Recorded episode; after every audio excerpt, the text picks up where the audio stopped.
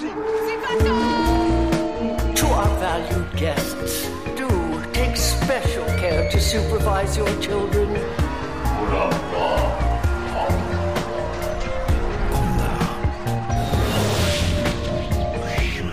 Het is weer ochtend in Pretparkland. Goedemorgen pretparkland en welkom bij je ochtendelijke pretpark podcast. Mijn naam is Erwin Taats, Jelle Verels en ik doe vandaag een graai in de Instagram Grabbelton.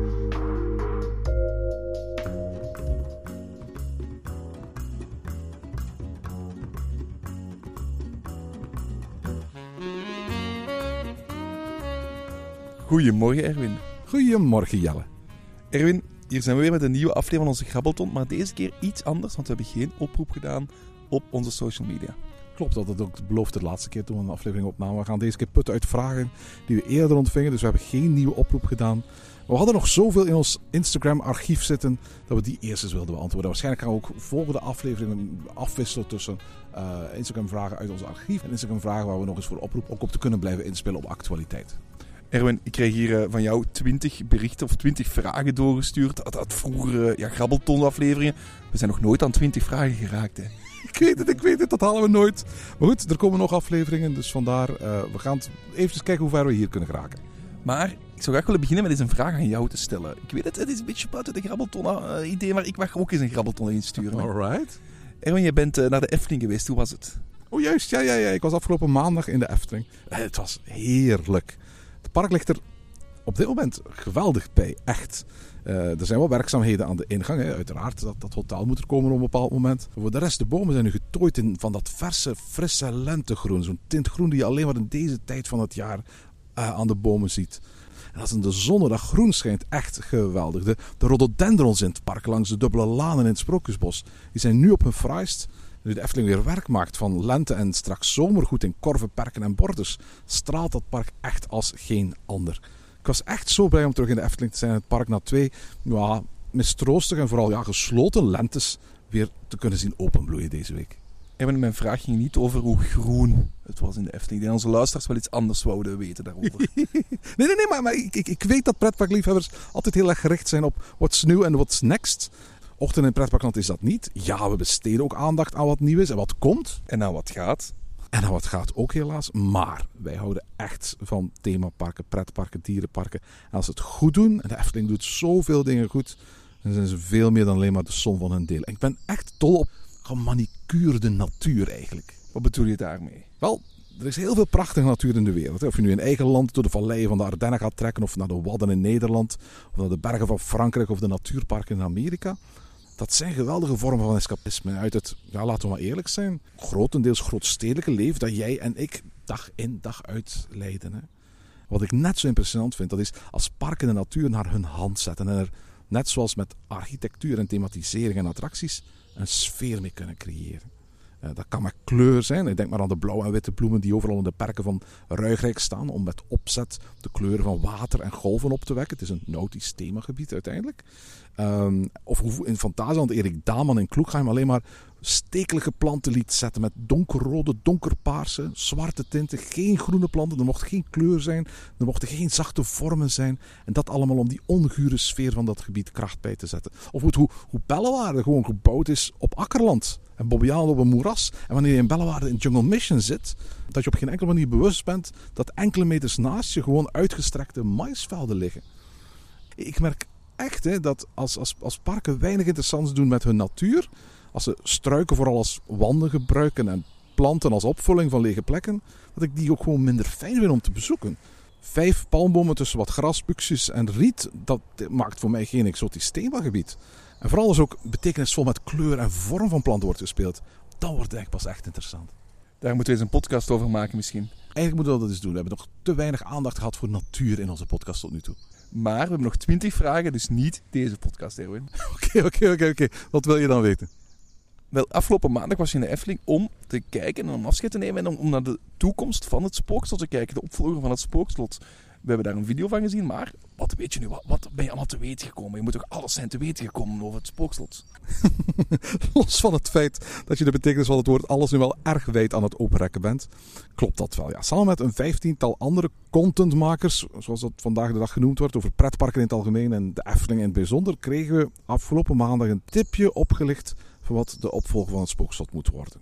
Benadruk hier echt het verkleinwoordje tipje. Als ze ons het sprookje van Roodkapje hadden verteld, dan waren ze niet verder gekomen dan er was een meisje dat altijd een rood kapje droeg.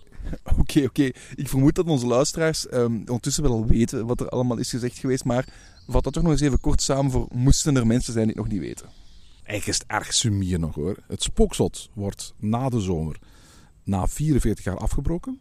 En vervangen door een nieuwe immersieve wereld, zoals ze dat dan nu noemen. Hè.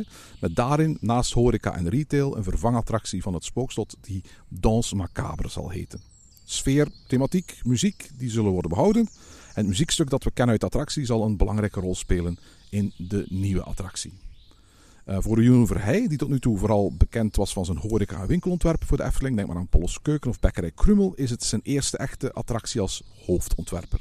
Het hele gebied gaat 25 miljoen euro kosten.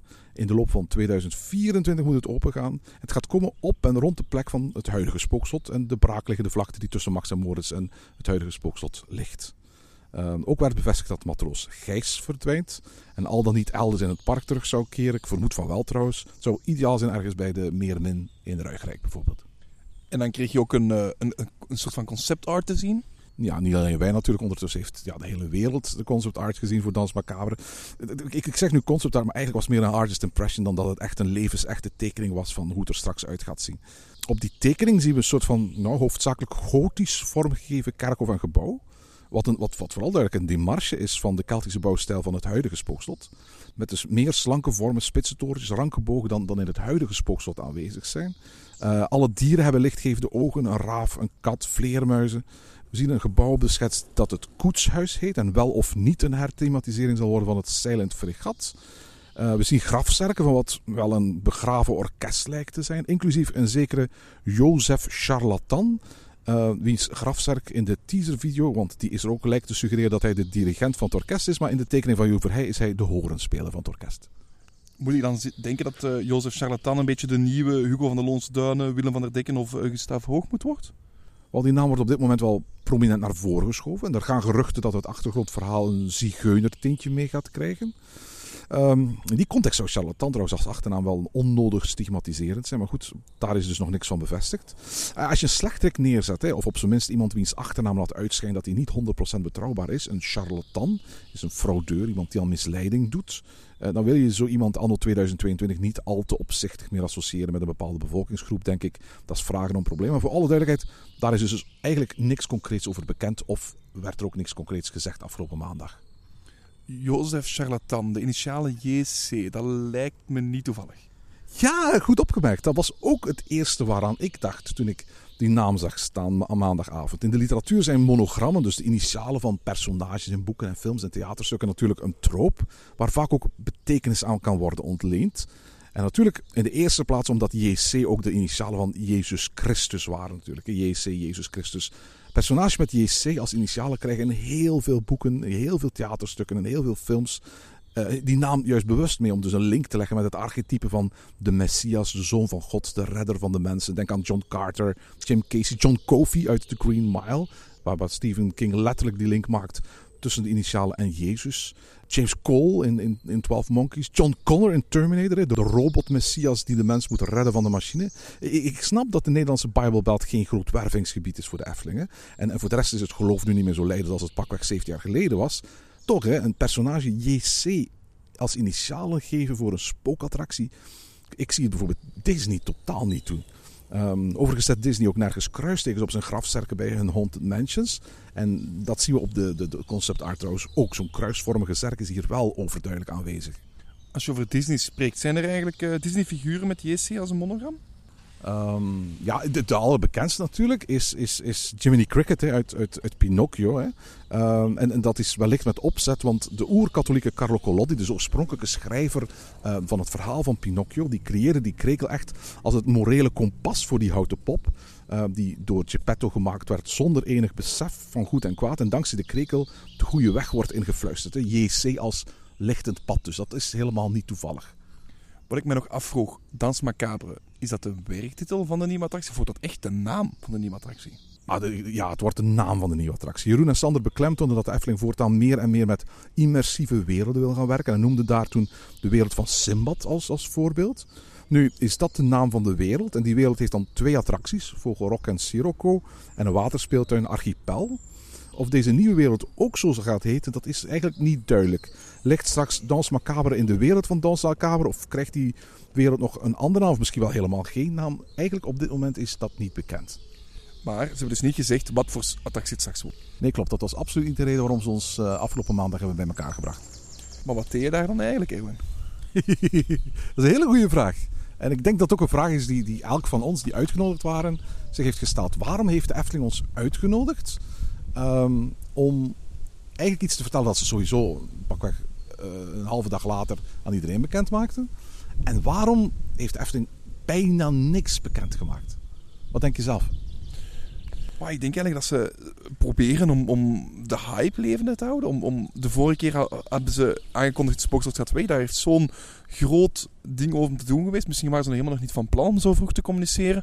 Maar hebben ze nu zoiets van, ja, we moeten zo vroeg wel communiceren. Want we moeten die, die negativiteit een beetje weglaten. We moeten tonen van, er komt wel degelijk een goede attractie voor in de plaats. Wel, achteraf, eh, na het evenement, eh, ben ik nog gaan eten met Maurice en Thomas van, van Team Talk in eh, het, het restaurant van het Loonse Land. En daar vertelde Thomas dat zijn theorie was, en Thomas vooral duidelijk is ook journalist voor beroep, dus hij kan dat soort dingen heel goed weten. Dat zijn theorie was dat, dat de marketingafdeling van de Efteling werkt met een soort van uitgestippeld verhaal. Waarbij ze op geregelde tijden tussen nu en 2024 met dat spookslot in de media aandacht willen zijn. Eh, de eerste keer waren ze dat toen ze bekend werd dat de spookslot ging verdwijnen. Nu zijn ze dat toen het thema bekendgemaakt wordt. En dan gaan we de komende maanden en jaren nog meer van dat soort momenten hebben. En dat het eigenlijk bij wijze van spreken een soort van clusterbommetje is aan informatie dat geleidelijk verspreid zal worden eh, over de komende twee jaar. En geloof je ook wat Thomas gezegd heeft? Nee. dat klinkt misschien heel brutaal van mij om te zeggen, want Thomas is, is, is echt professioneel journalist, dat ben ik niet. Maar in dit geval denk ik dat er iets anders aan de hand was. Wat denk je dan dat er aan de hand was? Wel, de Efteling heeft de aankondiging dat het spookslot zou sluiten echt heel erg verkeerd aangepakt. Ze hebben te weinig ingeschat wat voor impact die bekendmaking zou hebben. Niet zozeer bij, bij ons liefhebbers, maar echt over heel Nederland. Elke Nederlandse krant had er al een artikel over. Erfgoedorganisaties begonnen te protesteren en eisen dat het spookslot en andere gebouwen in de Efteling op, op een soort van beschermde lijst moest worden gezet. Met andere woorden, die aankondiging begin januari, daar hadden ze de impact wel heel erg slecht van ingeschat. En de weerslag daarvan die kwam zelfs voor de afdeling van de Efteling als een verrassing. En de taak die nu voor hen lag was, hoe kunnen we de negatieve sfeer die er bestaat rond het verdwijnen van het spookslot, op een bepaalde manier nu omdraaien en daar een soort van positieve sfeer van creëren. En wat is er eigenlijk gebeurd? Dat, althans, dat, ik zeg niet dat dat het geval is. Ik zeg alleen maar dat ik denk dat het zo is. Men heeft letterlijk op tafel alle elementen die op dit moment al bekend zijn bij hen van, die, van, van, van de nieuwe attractie neergelegd. En men heeft gekeken van welke van die elementen kunnen we al bekendmaken en gaan we weten, daar gaan mensen blij van worden. Hier gaat er geen kritiek op komen, hier gaat er geen negativiteit op komen. En al die dingetjes, die hebben ze ons verteld. Maar elk elementje van de attractie, waarvan ze dachten van, als we dat bekendmaken, dan gaan hier wenkbrauwen van in de lucht gaan. Die hebben ze nog niet vermeld.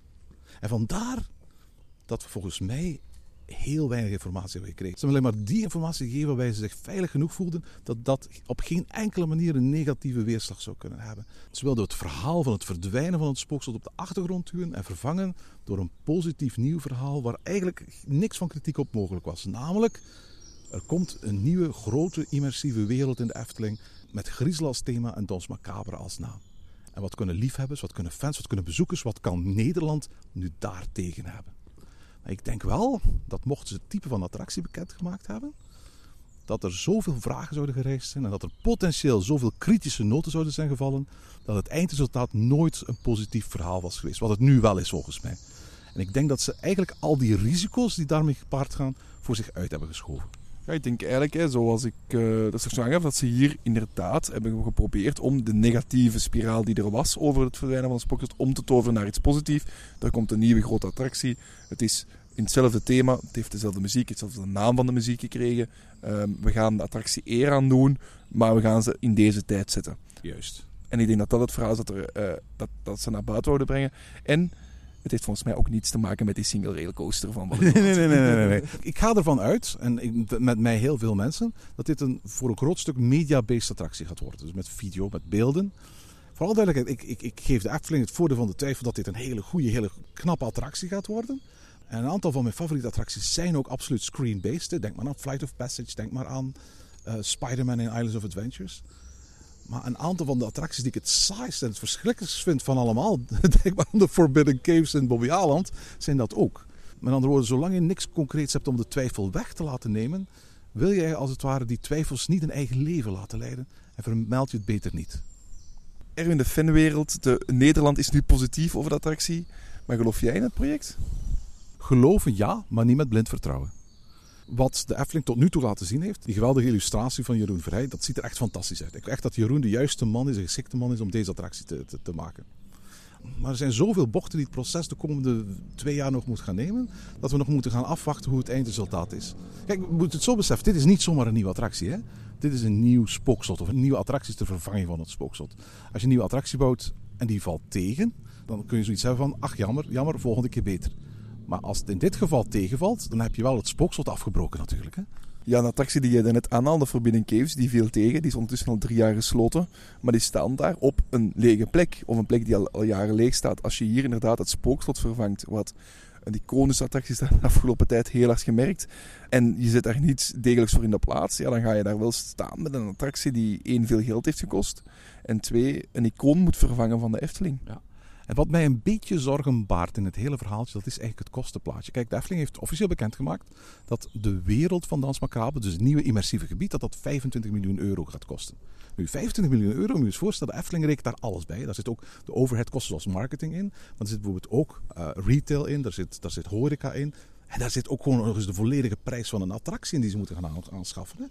Met andere woorden, als je al die dingen van het project af gaat schaven, wat is het budget waar Jeroen en collega's de komende jaren mee aan de slag kunnen gaan. Hoeveel heb je dan nog over om, om iets werkelijk geweldigs te gaan bouwen?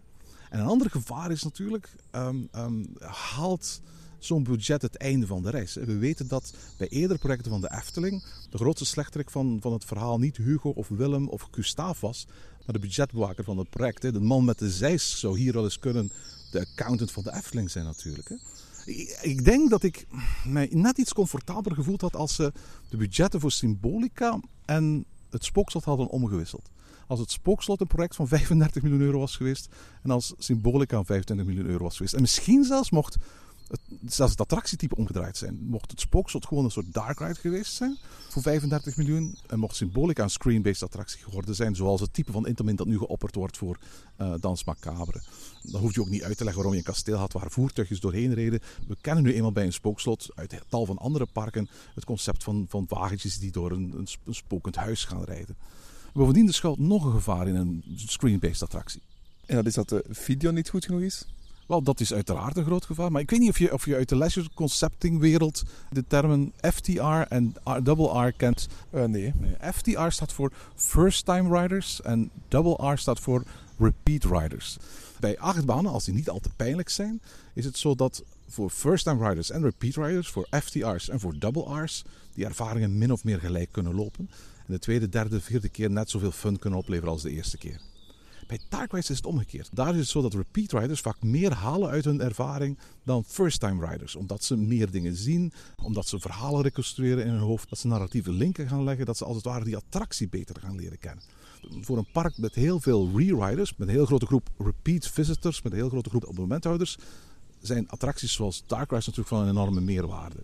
Screen-based attracties staan erom bekend over het algemeen eerder FTR-attracties zijn dan double R-attracties. Namelijk attracties die first-time riders interessant vinden, maar waarbij de repeatability, de herhaalfactor, lager is. Kijk maar naar de vele vliegsimulators. Als je telkens dezelfde film ziet, dan haalt dat de herhaalfactor uiteraard naar omlaag. Dat geldt niet voor elke screen-based attractie. Ik noemde dat net al Spider-Man uit Islands of Adventure. Ik had het al over Flight of Passage. Dat zijn fantastische voorbeelden waar het allemaal perfect is gegaan. Maar bij heel veel screen-based attracties is de rewritability heel erg laag. En dat zou ook heel jammer zijn mocht dat ook het lot zijn van, van, de, van de Dans Macabre natuurlijk.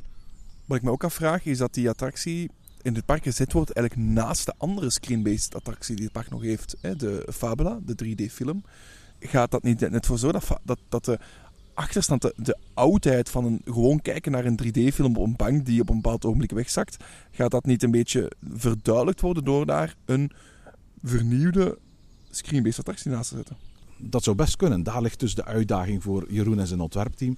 Nu, de Efteling is er wel in geslaagd om mij uh, benieuwd te maken in het project. Jeroen heeft met zijn concept en Sander met zijn verhaal absoluut overtuigd dat dit wel eens een hele goede, hele toffe toevoeging zou kunnen worden.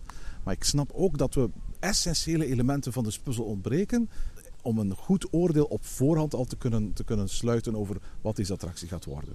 Heb je dan nog een advies voor de Efteling? een advies voor de Efteling? Um, ik, moet eerlijk zeggen, ik geloof dat Jeroen een hele um, goede tekenaar is. Als ik één ding zou willen aanraden aan Jeroen is, probeer in je ontwerp een bepaalde terughoudendheid te hebben. Ik weet, Jeroen is een ontzettend flamboyante, uh, uitbundige mens. Uh, die uh, zowel in de personages dat hij neerzet als in de ontwerpen dat hij, dat hij neerzet een stijl heeft waar hij, waar hij heel veel te vertellen heeft. Maar soms hoeft niet bij wijze van spreken alles overladen te worden met verhaal. Denk bijvoorbeeld aan het uithangbord van Bakkerij Krummel. Dat uithangbord van Bakkerij Krummel, dat zijn duizend elementen uit het verhaal samengebracht. Dat is niet storytelling, dat is storytelling. Je ziet een bakker die een broodje in een oven brengt. Je ziet een uithangbord in de vorm van een brood, maar uit dat brood is dan weer een hap uh, gemaakt. Het woordje Bakkerij Krummel staat erop. Vervolgens staat er ook nog een keer een, een, pretzel op. Achter het broodje zit nog een keer een deegroller. Dat ene bordje vertaalt 50 dingen tegelijkertijd. En ik geloof zeker voor het Spookslotproject dat enige terughoudendheid in dat soort ontwerpen wel op zijn plaats zou zijn. En dan vergeet je de belangrijkste nog, want de twee broodjes op de plank, dat zijn de twee, de twee stoutjongetjes die daar in, de, in hun brood liggen, die in de oven worden gezet. Dus het is inderdaad een heel verhaal en ik begrijp wel dat je bedoelt, een, een spookslot, een, een, een, een spookhuis, dat, dat, dat vraagt niet om al die details. Dat vraagt om een groot statig gebouw waar je naar kijkt en denkt van, wat is dat hier met klimop op de muren, hè? zoals het nu begroeid is. Ik hoop dat daar ook snel groen terug aangeplant wordt en, en, volwassen groen wordt aangeplant. Dat ook van in het begin al een... ja, een lugubere plek wordt. Ja, en een van de redenen waarom ik dit opmerk is, is als je bijvoorbeeld kijkt naar het logo dat de Efteling heeft vrijgegeven aan het eind van de teaser voor Dans Macabre. Het was wat mij betreft net iets te veel storytelling en te weinig storytelling. Hè. Er zit natuurlijk zo'n Ton van de Vensen monsterkop. Het is een prachtig lettertype gebruikt om Dans Macabre weer te geven. Dat is allemaal prima. Maar als je dan kijkt, de hoofdletters, de kapitalen van zowel Dans als Macabre, dat zijn dan weer van die skeletpotjes. En dat is weer zo'n zo'n zo'n zo'n detail te veel aan. Maar als dat nog niet genoeg was, zie je dat er onderaan een illustratie van een harpje ligt. En om, te laten zien dat die harp ook een spookachtig element heeft, zit daarachter ook nog eens de vleugeltjes van een vleermuis. Maar om duidelijk te maken dat Dans Macabre een muziekstuk is, zie je in de ornamentele krul aan de rechterkant duidelijk een solsleutel zitten. En als die solsleutel gespiegeld wordt, dan zie je aan de linkerkant dat die de initialen JC vormen. Jozef Charlatan. Het is weer zo'n bordje dat bij wijze van spreken duizend verhalen tegelijkertijd probeert te vertellen. En ik snap dat, en Jeroen is een enthousiaste kerel, maar ik hoop dat Sander en de rest hem heel veel laten doen, maar ook regelmatig zeggen van Jeroen, stop, stop, stop. Het kan eenvoudiger. Details zijn leuk als ze bijzonder zijn, maar niet als ze bij wijze van spreken voor 50 cent met z'n duizenden ergens in een hoop in de action liggen. Hè. En in dat opzicht moet je maar kijken naar het huidige attractiebord voor het spookslot. Hè. Dat is duizenden keer eenvoudiger en wat mij betreft ook duizenden keer sprekender. Maar ik ben echt benieuwd. Het was heel tof om terug eens samen te zijn uh, met al die bekende liefhebbers uit pretparkland. Om, om ervaringen uit te wisselen. Om samen te fantaseren over wat Dans Macabre uiteindelijk zal zijn. En zodra we meer zeker weten, gaan we ook dat in Ochtend in Pretpark behandelen. En Erwin, laten we eerlijk zijn, zoals je bent begonnen, het was een fijne dag in de Efteling. Het was een hele fijne dag in de Efteling. Heb ik al gezegd hoe prachtig de Efteling erbij lag? Dat heb je al uitbundig verteld. Erwin, we hadden twintig vragen. Ik vrees dat hij er al niet alle twintig meer door Dat gaat niet meer lukken. Maar gaan toch, het blijft een grabbelton, dus we gaan toch een aantal vragen uh, beantwoorden. Jelle? We hebben een vraag gekregen van JWVD Beek. Oké, okay, 21. 21, ja. En hij, of zij, want ja, daar kan ik geen voor eigenlijk. Of die. Of die, eh, schrijft: Is het zinvol om bij Wallaby Belgium een hotel, camping neer te zetten, zoals bijna elk park nu doet? we zien hotels of campings terugkomen in Plopsaland, in uh, de Efteling, die een nieuw hotel bouwen zijn. We zien overal hotels uit de grond komen. Zou Walibi Belgium daar ook ehm, ja, een stap verder mee kunnen gaan? Dat is een heel interessante vraag. Vroeger zou ik die vraag foutief benaderd hebben en mij afgevraagd hebben van... Heeft het park wel voldoende te bieden voor twee dagen? Maar ondertussen weet ik beter, dat is niet de vraag die je moet stellen. Want als je twee dagen in een park bent, dan ga je automatisch het langzamer aandoen. Ga je meer genieten van eens rond te wandelen, van show, entertainment, uh, van eens lekker gaan dineren, van eens een terrasje doen en dat soort, dat, dat soort dingen meer. En je verspreidt als het ware de ervaring van één dag vaak over twee dagen. Ik geloof niet dat mensen die in Plopsland op hotel zitten, die twee dagen in Plopsland echt nodig hebben om alles te doen. Tegelijkertijd is het natuurlijk wel zo dat Walibi Belgium behoorlijk wat te doen heeft. Want behalve een pretpark is er natuurlijk nog een waterpark. Maar tegelijkertijd weet ik niet 100% of het op dit moment de juiste stap zou zijn voor, voor, voor Walibi Belgium. Ik denk dat Walibi Belgium eerst eens moet gaan nadenken over het oprekken van seizoenen.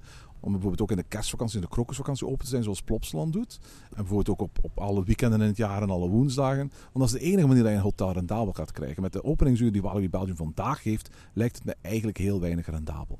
Ja, we zien ook in Plopsaland dat daar ook uh, de bezettingsgraad in een doordeweekse dag in februari ook gewoon, of, zelfs rond deze periode nog, hè, door de weekse dagen, wanneer school, uh, geen schoolvakantie is, dat daar ja, geen hoge bezettingsgraden zijn. Dus ik denk inderdaad dat een hotel, zeker in die plek van het land waar uh, we nog niet in de Ardennen zitten, waar we nog toch wel een afstandje van Brussel zitten, hè, dat daar te weinig toerisme is ook, naast Walibi, om een hotel draaiende te houden. Zeker om een duurder hotel draaiende te houden, want dat gaat sowieso zijn.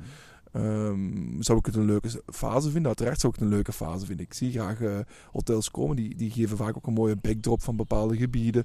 Denk aan Fantageland, waar de hotels zeker en vast altijd mooie ja, de, de grens vormen tussen het park en de buitenwereld. Um, en hetzelfde gebeurt in Plopsaland, hetzelfde gaat gebeuren in de Efteling, waar dat een mooie inkomstpoort gaat vormen. Dus ja, op dat vlak vind ik dat altijd mooie gebouwen. Um, verlengen ze ook vaak je dag, want je gaat er nog eens eten. Laatst keer dat we samen in Plopsland waren, zijn we gaan eten in het, uh, in het buffetrestaurant. Um, in de Efteling ben ik er zeker van dat dat mensen hun dag gaat verlengen. En zeker van fans hun dag gaat verlengen. Dus op dat vlak, ja, zeker en vast. Hè. Uh, maar ik denk ook dat nu nog een stap te vroeg is en dat ze moeten gaan kijken naar, oké, hoe kunnen we eerst ons park langer openstellen. Ja, hou rekening mee dat, dat bijvoorbeeld Bellewaarde, dat ligt in een van de grote toeristische provincies van, van, van België, te midden van het Heuvelland, omringd met 13 prachtige natuurparken. Plopsaland ligt aan de zee. Dus zelfs al, al, ga je maar één dag naar Plopsaland, de volgende dag kun je gebruiken om gewoon op het strand te gaan zitten en dat soort dingen meer.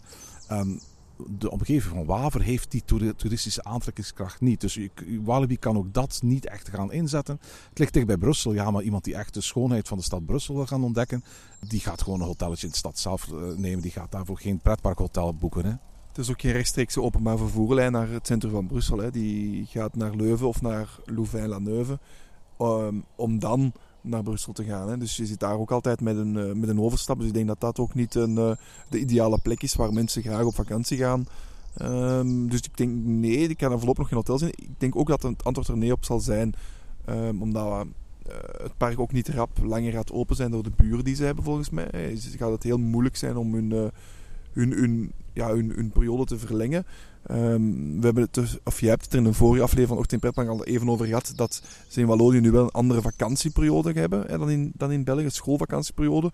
Dus ik denk dat daarin wel al een verlenging van de openingsdagen gaat zitten, door vaker open te zijn doorheen het jaar, hè, door, door de weekse dagen. Waarbij je dus ook op meerdere ja, momenten kunt spelen met andere bezoekers. Hè. De ene keer vanuit Wallonië, de andere keer vanuit Vlaanderen.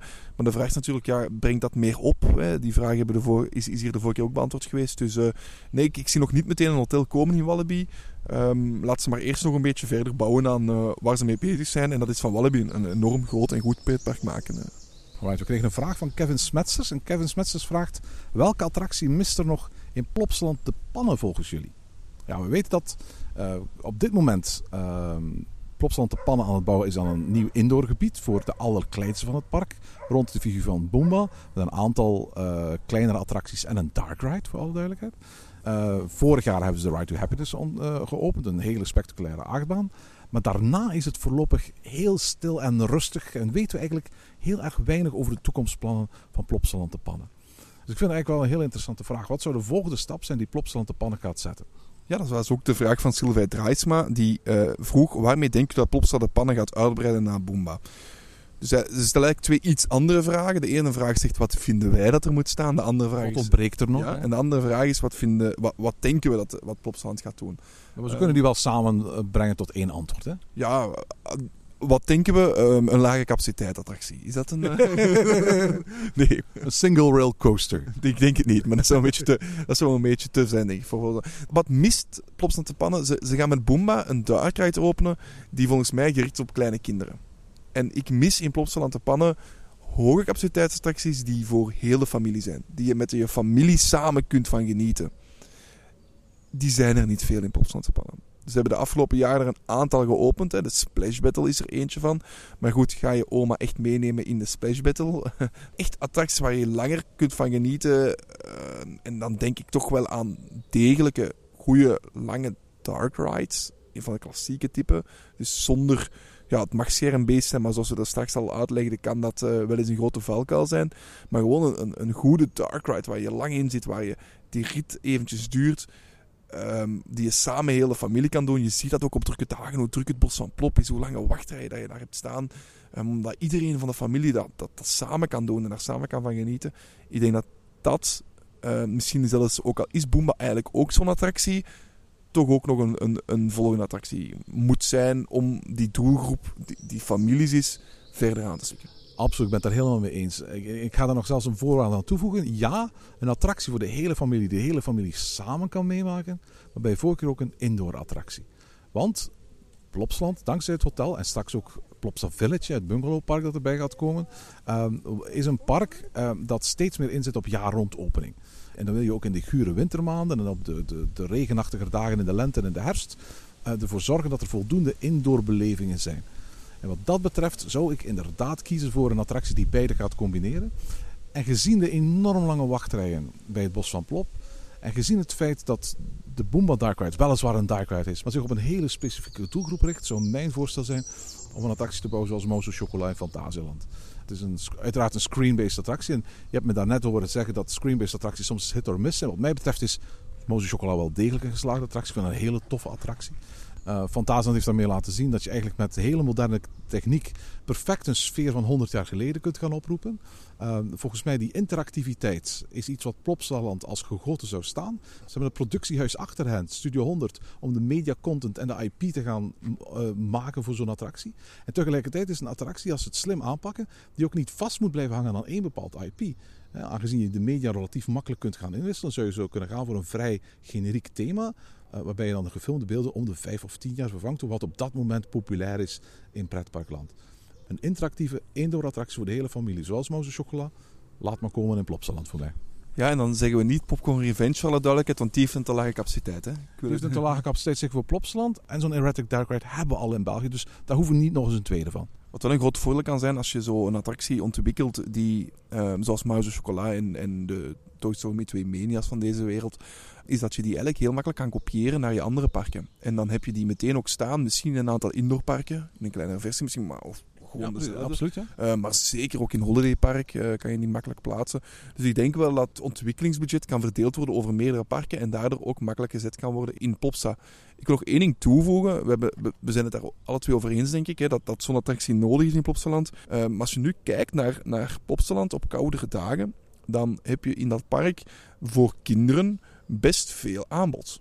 Je hebt daar natuurlijk het Mayaland, waar kinderen toch wel anderhalf uur, twee uur kunnen rondhangen. Juist, maar die attracties zijn alleen voor die kinderen bedoeld. Dat zijn dan weer geen attracties voor de hele familie natuurlijk. Daar zie ik oma niet in de vuurtoren stappen. Nee, en daarom wil ik net zeggen van, misschien is, en dat is ook, dat gaat in tegen het idee van, ja, we hebben iets nodig waar iedereen tegelijk in kan, maar misschien is een ruigere attractie, een attractie die meer op tieners zich toespreekt, die indoor is, die overdekt is, die, die een heel jaar door lang kan draaien. Want ik denk dat... Uh, de, de twee stevige achtbanen in het park toch wel onder het vriespunt en zelfs hoger, als, ik denk zelfs onder de 5 graden of zo, niet kunnen draaien. In van de Right to Happen is niet, hè? Dus in ieder geval, daar, daar mis je wel, als je als tiener daar naartoe komt, of een gezin met tieners bij, mis je daar wel iets. En ja, dat heeft het park misschien wel nodig om daar dan dus ook iets te maken voor, voor die doelgroep op, um, op koudere dagen. Aan de andere kant, op warme dagen, en dat is dan weer totaal iets anders, op warme dagen staan de langste wachtrijen bij de waterattracties. En daar hebben we het al eens over gehad. Missen ze daar geen Rapid River? Ik weet heel vroeger is er geweest, Plopsland bouwt geen Rapid River. Toen hebben ze Holiday Park gekocht, daar was al een Rapid River. Zouden ze hun mening niet een klein beetje bijstaan en, en toch een mooi gethematiseerde Rapid River kunnen gebruiken daar? Juist, maar nu zijn we gewoon alle attractietypes aan het, aan, aan, het- aan opnoemen. En na een tijdje eh, hebben we eigenlijk de vraag niet beantwoord. Dus ik, ik, ik blijf eventjes, ook al zou een Rapid River in Plopsland ook leuk zijn. Mijn eerste antwoord namelijk, voor mij mag er een Moze chocolakloon komen. Maar dan met Studio 100 IP. Ja, en toch heb ik zo meer het gevoel van als, er, als ze de plek zouden hebben. Want ik weet niet of ze de plek nog hebben. Daar, daar kan ik moeilijk inbeelden. Of ik denk dat er achteraan het park nog wel vrije ruimte is. ehm, dat een, een, een Rapid River of, of soortgelijke voor een park als Plopsaland na dat ze al een indoor attractie hebben geopend. Hè, want ze hebben dan net het, het eh, theater omgebouwd naar een dark ride. Dat ze daar dan eh, misschien toch wel ja, mee weg kunnen komen om, om daar een nieuwe waterattractie te plaatsen. Alright. Volgende vraag komt van Pim Stee en hij vroeg ons: wat is jullie favoriete eindshow of spektakel in een pretpark? Dus het gaat om elke vorm van beleving die een dag in een pretpark afsluit. God, dan moet ik toch wel denken aan het van de Bobby Aland Fun Brigade enkele jaren geleden. ja, absoluut. Hi- hi- Hilarisch was dat en historisch tegelijkertijd. Dat moet je eens opzoeken. De Bobby Aland Fun Brigade in Bobby Aland. Ongetwijfeld naast een carrière van Bobby Aland Schoepen. Een van de meest roem, roemruchte stukjes entertainment dat zich daar ooit in lichttaart heeft vertoond aan de wereld. Supercoole fun met de leukste dingen. Je kent die tekst ook.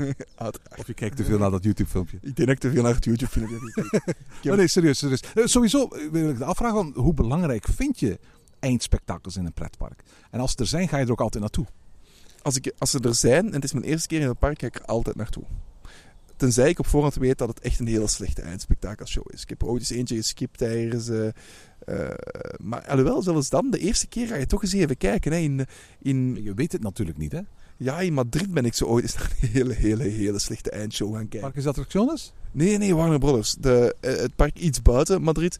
Daar is, oh, dat was zo'n slechte eindshow. Dat park is dan zo mooi ontworpen en je denkt, ik ga hier rond dat meer staan, ik ga hier een mooie eindshow zien. Dat was gewoon niets aan.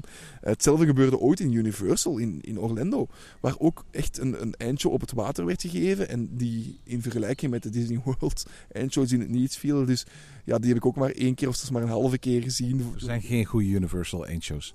Blijkbaar, blijkbaar. Eh, maar ik ga er wel altijd naartoe. Jij ook, denk ik. Hè? Je bent ook een fan van die shows. Soms, niet altijd. Eh, ik vind dat een, een park moet er de faciliteiten voor hebben. En de show moet aangepast zijn aan de openingsuur van het park. Wat wil ik daarmee zeggen? Ik ga hier geen oude koeien mee uit de slot halen. Maar ik vind het bekijken van bijvoorbeeld Aquanura op een gemiddelde dag in juni... eh, waarbij het park tot 6 of 7 uur open is, weinig waardevol als, als eindshow. En ik merk dat ik die doorgaans wel skip. Ik kijk heel graag naar Aquanura op het moment dat die show in het donker is. Ik vind dat een sublieme eindshow. Maar overdag vind ik er eigenlijk niet veel aan. Maar het is wel zo dat de meeste bezoekers op een jaar zien Aquanura natuurlijk bij licht en niet bij duisternis. En je moet er dus mee rekening houden. Er zijn niet veel parken bij ons in, in, Europa, los van Disneyland Parijs met een vuurwerkspektakel. En dit jaar ook met dat drone-spektakel. Die het zich kunnen permitteren om elke dag of, of voldoende dagen tot duisternis open te blijven. Zodat ze een volledig lichtspektakel kunnen brengen. Nee, klopt. En, en dat is vaak toch wel iets dat, dat mist als je ja, naar zo'n spektakel kijkt in het licht. Dan is het toch altijd anders dan wanneer je in het donker met vuurwerk, met lichtspektakel, met fonteinen, met alles erop en eraan, met drones tegenwoordig eh, naar, een, naar een avondshow kijkt. Eh, ik heb leuke herinneringen in België aan avondshows tijdens Halloween in Wallaby, België. Ik denk dat we daar ooit vroeger, want dat ze nu momenteel, of door corona misschien niet hebben gedaan, Of zelfs al voor corona waren zijn gestopt met, eh, met vuurwerkshows aan het einde van, van Halloween. Hè? En af en toe is in Plopsland op een of andere speciale dag. Af en toe is een vuurwerk op het einde van de dag. Ja, Plopsaland doet vrij vaak vuurwerk. Het, het, het, het, het jammere van Plopsaland is dat de locatie waar ze vuurwerk doen op het dorpsplein is heel logisch gekozen. Want je wil de mensen daarna snel het park uit. Terwijl denk ik een, een, een vuurwerk bijvoorbeeld aan het meer bij eh, The Ride to Happiness, wat mij betreft een veel, veel aansprekender locatie zou zijn. Maar ik snap dat, dat je dan met de logistiek zit, dat daarna iedereen nog eens naar, naar de ingang van het park moet gaan. Dat, dat is een probleem dat veel parken hebben. Als je zo'n eindshow hebt, dan wil je na afloop van die eindshow mensen op een heel gemakkelijke manier naar de uitgang van het park kunnen brengen. En als de enige ja, relevante locatie die je voor zo'n eindshow hebt ver weg van de ingang is, dan ga je dat misschien ook niet helemaal doen. Het zal je niet verbazen dat het eindspektakel dat ik ga noemen, dat dat er eentje is in, eh, bij Disney. Uh, ik zal voor één keer geen vuurwerk noemen of fonteinenshow, want die zijn er natuurlijk ook. Maar als ik eerlijk ben, um, wat ik heel erg fijn, fijn vind s'avonds, dat zijn lichtjesparades. Ik vind dat echt van alle soorten parades mijn favoriete soort parades. Ik ben niet de persoon die speciaal in Main Street gaat staan om overdag een parade te zien. Maar wel een persoon die, als, er, als ik weet dat er lichtjesparade is, in, in Tokyo Disneyland bijvoorbeeld, of in Anaheim of in Walt Disney World, en vroeger nog in Disneyland Parijs, dan ga ik het altijd meenemen aan het eind van mijn dag. we gaan deze zomer naar Californië. En ik kijk nu al uit naar het moment dat ik de Main Street Electric Parade opnieuw kan zien. De Main Street Electric Parade die dit jaar zijn 50ste verjaardag viert. En eigenlijk zou ik niks liever willen dat ook Disneyland Parijs en Walt Disney World zo'n electrical parade, zo'n lichtjesparade krijgen. Ik zou een beetje kunnen zeggen dat Disney D-Light, die drone show, een, variant is van zo'n electrical parade, maar dan in de lucht dit jaar in Disneyland Parijs. Wat mij betreft, een goede lichtjesparade, dat is voor mij altijd een geweldige afsluiter van een dagje in het park. En als er nog wat vuurwerkknallen achteraf bij komen, heel graag. Ja, dat is uiteraard wel wat je in Tokyo Disney ook heel hard hebt. Hè. Daar uh, heb je ook eigenlijk een... Die is fantastisch, hè? Daar heb je een schitterende uh, parade, zowel overdag als avonds, ook super lange. Maar daar heb je uh, ja, wij hadden een, een avondshow waar in plaats van vuurwerk fonteinen werden gebruikt. Um, en die fonteinen zijn ook gericht op het publiek. En de Japanners worden zot, want ze worden nat. Maar de, uh, de, wij stonden daar als westerlingen een beetje van, oei, wat is dit hier allemaal? En hetzelfde is eigenlijk ook waar over met de avondshow in, in um, Tokyo Disney Sea, waar Fantasmic wordt getoond. Maar ik vond het een mindere versie wanneer je echt in Disneyland, of zeker in Disney Hollywood Studios, in dat theater gaat zitten, daar helemaal klaar staat voor die Fantasmic en daar echt alles ja, gemaakt is voor om naar Fantasmic te kijken. Vond ik toch een, een krachtiger dan wanneer je ja, naar die vulkaan zit te kijken en naar die show zit te kijken. Die past daar minder voor mij. ik moet dan ook zeggen dat die lichtjesparade, die, die uh, zo idyllisch beschrijft hier. En voor mij was het dan Dreamlights in, um, in Tokio. Die voor mij eigenlijk een afsluiter, meer een mooiere afsluiter was van, van, van een dagje pretpark. Of Paint the Night in Disney California Adventure.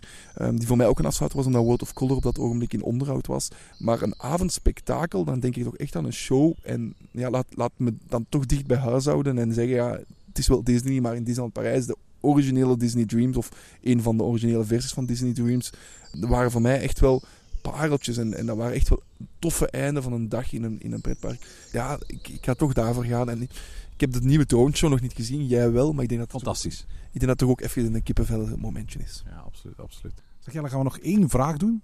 Graag, want uh, we hebben het wel heel lang gehad over iets waar weinig over te vertellen viel.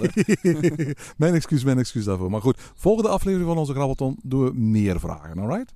En dan doen we nog wel eens een oproep. En dan gaan we nog wel eens een oproep doen. Nu, ik hoor ons altijd zeggen, volgende aflevering wijken we niet uit. En, en elke aflevering ik weet het, ik weet het, Dus, uh, dus ja, goed. Uh, J-Coasters. J-Coasters schrijft ons, parken en bezoekers gaan het moeilijk krijgen met de stijgende prijzen. Hoe gaan ze hiermee omgaan? Even schetsen, de prijzen zijn overal ontzettend snel aan het stijgen. Er is echt sprake van mega-inflatie, waardoor de koopkracht van heel veel mensen erop achteruit gaat. Sinds de pandemie worstelen we met ontzettende supply chain issues, waardoor producten die schaars zijn duurder gaan worden. En dat is alleen maar erger geworden door de oorlog in Oekraïne. Langzaam maar zeker beginnen we dat te merken. Uh, grondstoffen worden duurder, producten worden duurder, energieprijzen swingen de pan uit. En geld dat mensen vorig jaar over hadden om eens een dagje pretpark te doen, moeten ze nu besteden om winters een warming te betalen als ze dat al kunnen. Of aan de benzine om in dat park te geraken. En die staan ook op een historisch hoog pijl. En voor parken wordt het ook veel duurder. Hè? De loonkost wordt, in, wordt veel hoger. Hè? Want die inflatie die, die laat zich ook voelen in de loonkost. Zeker in een aantal België waar die automatisch wordt toegepast. Ja. Het is ook zo dat er een, een ontzettend tekort is aan arbeidskrachten. Waardoor bedrijven ook op het gebied van, van, van lonen moeten gaan wedijveren met elkaar om personeel te kunnen krijgen. En ook dat maakt de loonkosten omhoog gaan.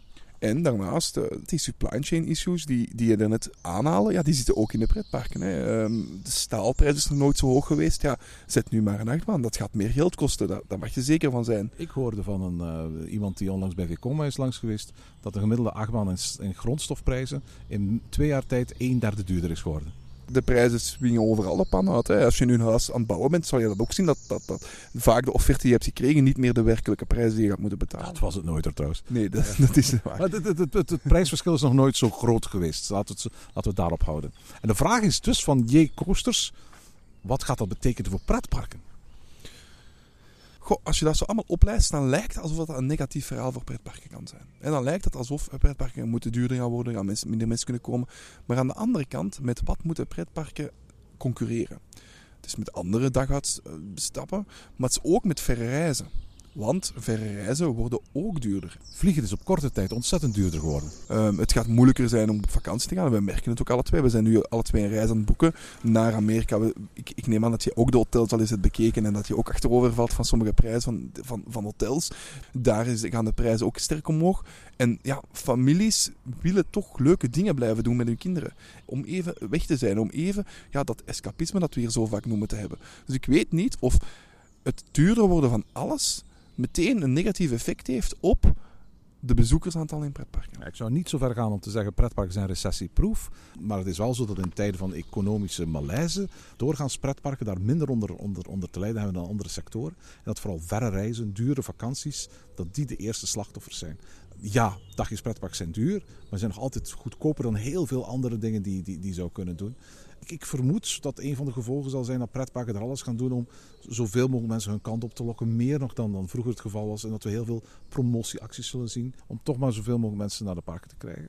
Een ander effect op de pretparken dat niets met bezoekers te maken heeft. Ik kan me wel voorstellen voor als je niet de allergrootste pretparkgroep achter je hebt, dat je misschien op dit moment eventjes gaat nadenken voor je heel grote investeringen gaat doen. Zou je dat niet denken? Ja nee, hè. uiteraard ga je misschien wel even nadenken van oké, is het nu de juiste moment om een, een grote investering aan te kopen? Aan de andere kant, een grote investering lokt bezoekers en het zijn die bezoekers die terug cashflow genereren in je park. En ehm, we hebben ook heel hard gevreesd dat corona een negatief effect ging hebben op, op aankoop. Ik denk dat we dat ook het komende jaar, twee jaar, nog, allee, dit jaar en volgend jaar nog wel gaan merken. Van oké, er zijn natuurlijk in corona geen grote aankopen gedaan. Maar aan de andere kant, ja, je wilt wel terug volk naar je park lokken. En daar heb je nieuwe attracties voor nodig. Je moet je attracties ook onderhouden. Dus ik denk wel dat ja, ook het, de toekomst van attractieparken um, ja, wel gaat blijven. We merken dat mensen, uh, Erwin, steeds meer vragen van een dagje weg. Het is niet meer zoals vroeger, waarbij je weg kon gaan en waarbij het voldoende was dat een aantal attracties op een plein stonden. Er moeten themabelevingen zijn, er moet luxe zijn in die parken. Mensen moeten zich speciaal voelen. Mensen moeten zich voelen alsof ze ja, voor een specialigheid, dat zij de speciale bezoeker zijn, daar moet er maar bij komen. En daar heb je nieuwe dingen voor nodig. Ja, het is wel zo dat vorige keer dat we um, een grote financiële crisis hebben gehad, dus periode 2008-2010, dat je daar zag dat er al heel weinig attracties gebouwd werden. Dat parken in die periode een aantal jaren lang volledig hebben ingezet op vooral entertainment. Bijna elk jaar waren er nieuwe shows, nieuwe films in hun 3D-theaters, nieuwe meet and greets. Er werden tal van festivals georganiseerd. Dat waren de hoogtijdagen waar letterlijk Bellewaarde Walibi Belgium een jaarkalender presenteerde met tal van festivals en speciale themaweekenden. Alleen maar omdat ze beseften dat soort tijdelijke evenementen, dat trekt wel mensen naar de parken en herhaalbezoeken naar de parken, zonder dat het ons hetzelfde kost als een hele nieuwe attractie gaan bouwen. Ik vermoed dat de komende jaren we toch wel een rem zullen zien op de grote investeringen. Dat we parken, de bestaande infrastructuur die ze hebben, extra zullen laten exploiteren. Eventueel her en der herthematiseren. Opnieuw op de markt zetten met een andere naam, met een ander thema. En daarnaast heel veel ja, tijdelijke dingen. Veel, veel festivals, events en dat soort dingen meer. Uh, die zijn goedkoper, makkelijk te organiseren en zorgen ook voor extra visibiliteit. Ja, je zei er net, is in mijn hoofd blijven hangen. Je zei er net, een park dat geen grote groep achter zich heeft, zou die moeilijker hebben. En ik zou het ook niet andersom kunnen zijn, waarbij een park die een familie met, denk even aan Fantageland, die een familie met een bepaalde visie achter zich heeft, dat die zeggen van kijk, we moeten blijven investeren, want we gaan verder. Terwijl een grote pretparkgroep net die aandeelhouders achter zich heeft en die nu zeggen van, niet met mijn geld momenteel. Dat zou ook wel best kunnen, absoluut ja, ik, ik weet niet wat daar de balans zou van zijn naar de toekomst toe. En ik ben benieuwd eigenlijk om te kijken. Hè. We zien toch dat en nu grote parken, uh, zowel een, een, park dat niet in handen is van een grote groep, de Efteling, als Walibi Holland wel in handen van een grote groep, alle twee toch wel iets aankondigen dat best veel geld kost net. Ik denk dat uh, van Walibi België komend jaar of het jaar erop toch zeker ook een nieuwe attractie mogen verwachten. Dus daar ben ik ook benieuwd naar. Bobby Jaland heeft toch ook hè, na Fury uh, enkele jaren geleden toch ook wel nood aan een nieuwe attractie, denk ik. Dus daar ben ik eigenlijk benieuwd. Bellewaarde weten we dat er een nieuwe attractie komt? Ja, klopt. Die hebben ook een grote attractie aangekondigd. Van Plopsland weten we nu na Boomba niets, maar ik verwacht dat daar ook wel blij, gaat blijven geïnvesteerd worden. Um, en, en, hetzelfde met de andere Nederlandse parken. Hè. Dus ik ben eigenlijk benieuwd naar ja, wat, wat zijn de komende uitbreidingen. Heel benieuwd naar wat de komende attracties zijn in Fantageland. Maar dat heeft een andere reden, wat, wat, wat daar precies nog allemaal gaat komen. Europa Park krijgt de Voltron Coaster volgend jaar. Dus het is, het is interessant om te kijken wat er volgend jaar allemaal bij komt. En um, laat ons voor ons met twee hopen, Erwin, dat uh, voorlopig de Efteling de prijs niet te hoog zet. Dan volgen de andere parken hier in de buurt ook niet en dan kunnen wij nog veel parken bezoeken. Dat is een mes dat dan twee kanten snijdt natuurlijk, want dat betekent ook dat de marktleider in Nederland in principe de prijs zet voor alle andere parken en de investering van de andere parken, Walibi Holland, Toverland, Tuineral, Drievliet, Hellendoorn, eigenlijk tegenhoudt. Ja, en zelfs de Belgische parken leiden daaronder, denk ik. Want Nederland heeft, allee, Efteling heeft, heeft wel een grotere afzetmarkt dan, um, of aantrekkingsmarkt dan, uh, dan enkel Nederland. Dus op dat vlak is dat negatief, want minder investeringen. Aan de andere kant kunnen wij daardoor meer parken bezoeken. Dus het is een, uh, het is een mes dat aan twee kanten snijdt. Time will tell. Zeg, eh, beste luisteraars, bedankt voor het luisteren naar deze aflevering van de Grabbelton. Volgende keer nog meer tijd voor vragen van luisteraars. Erwin en ik beloof dat ik tegen dan al in een ander park ben geweest dan Plopsa Station. Schandalig. We gaan een verandering maken dit weekend. En tot zover deze aflevering van Ochtend in Pretparkland. Volg ons via het Pretparkland op Twitter, Instagram en Facebook of mail naar ochtend.pretparkland.be. Ochtend in Pretparkland is de pretparkpodcast voor vroege vogels. Bedankt voor het luisteren en maak er een fijne dag van.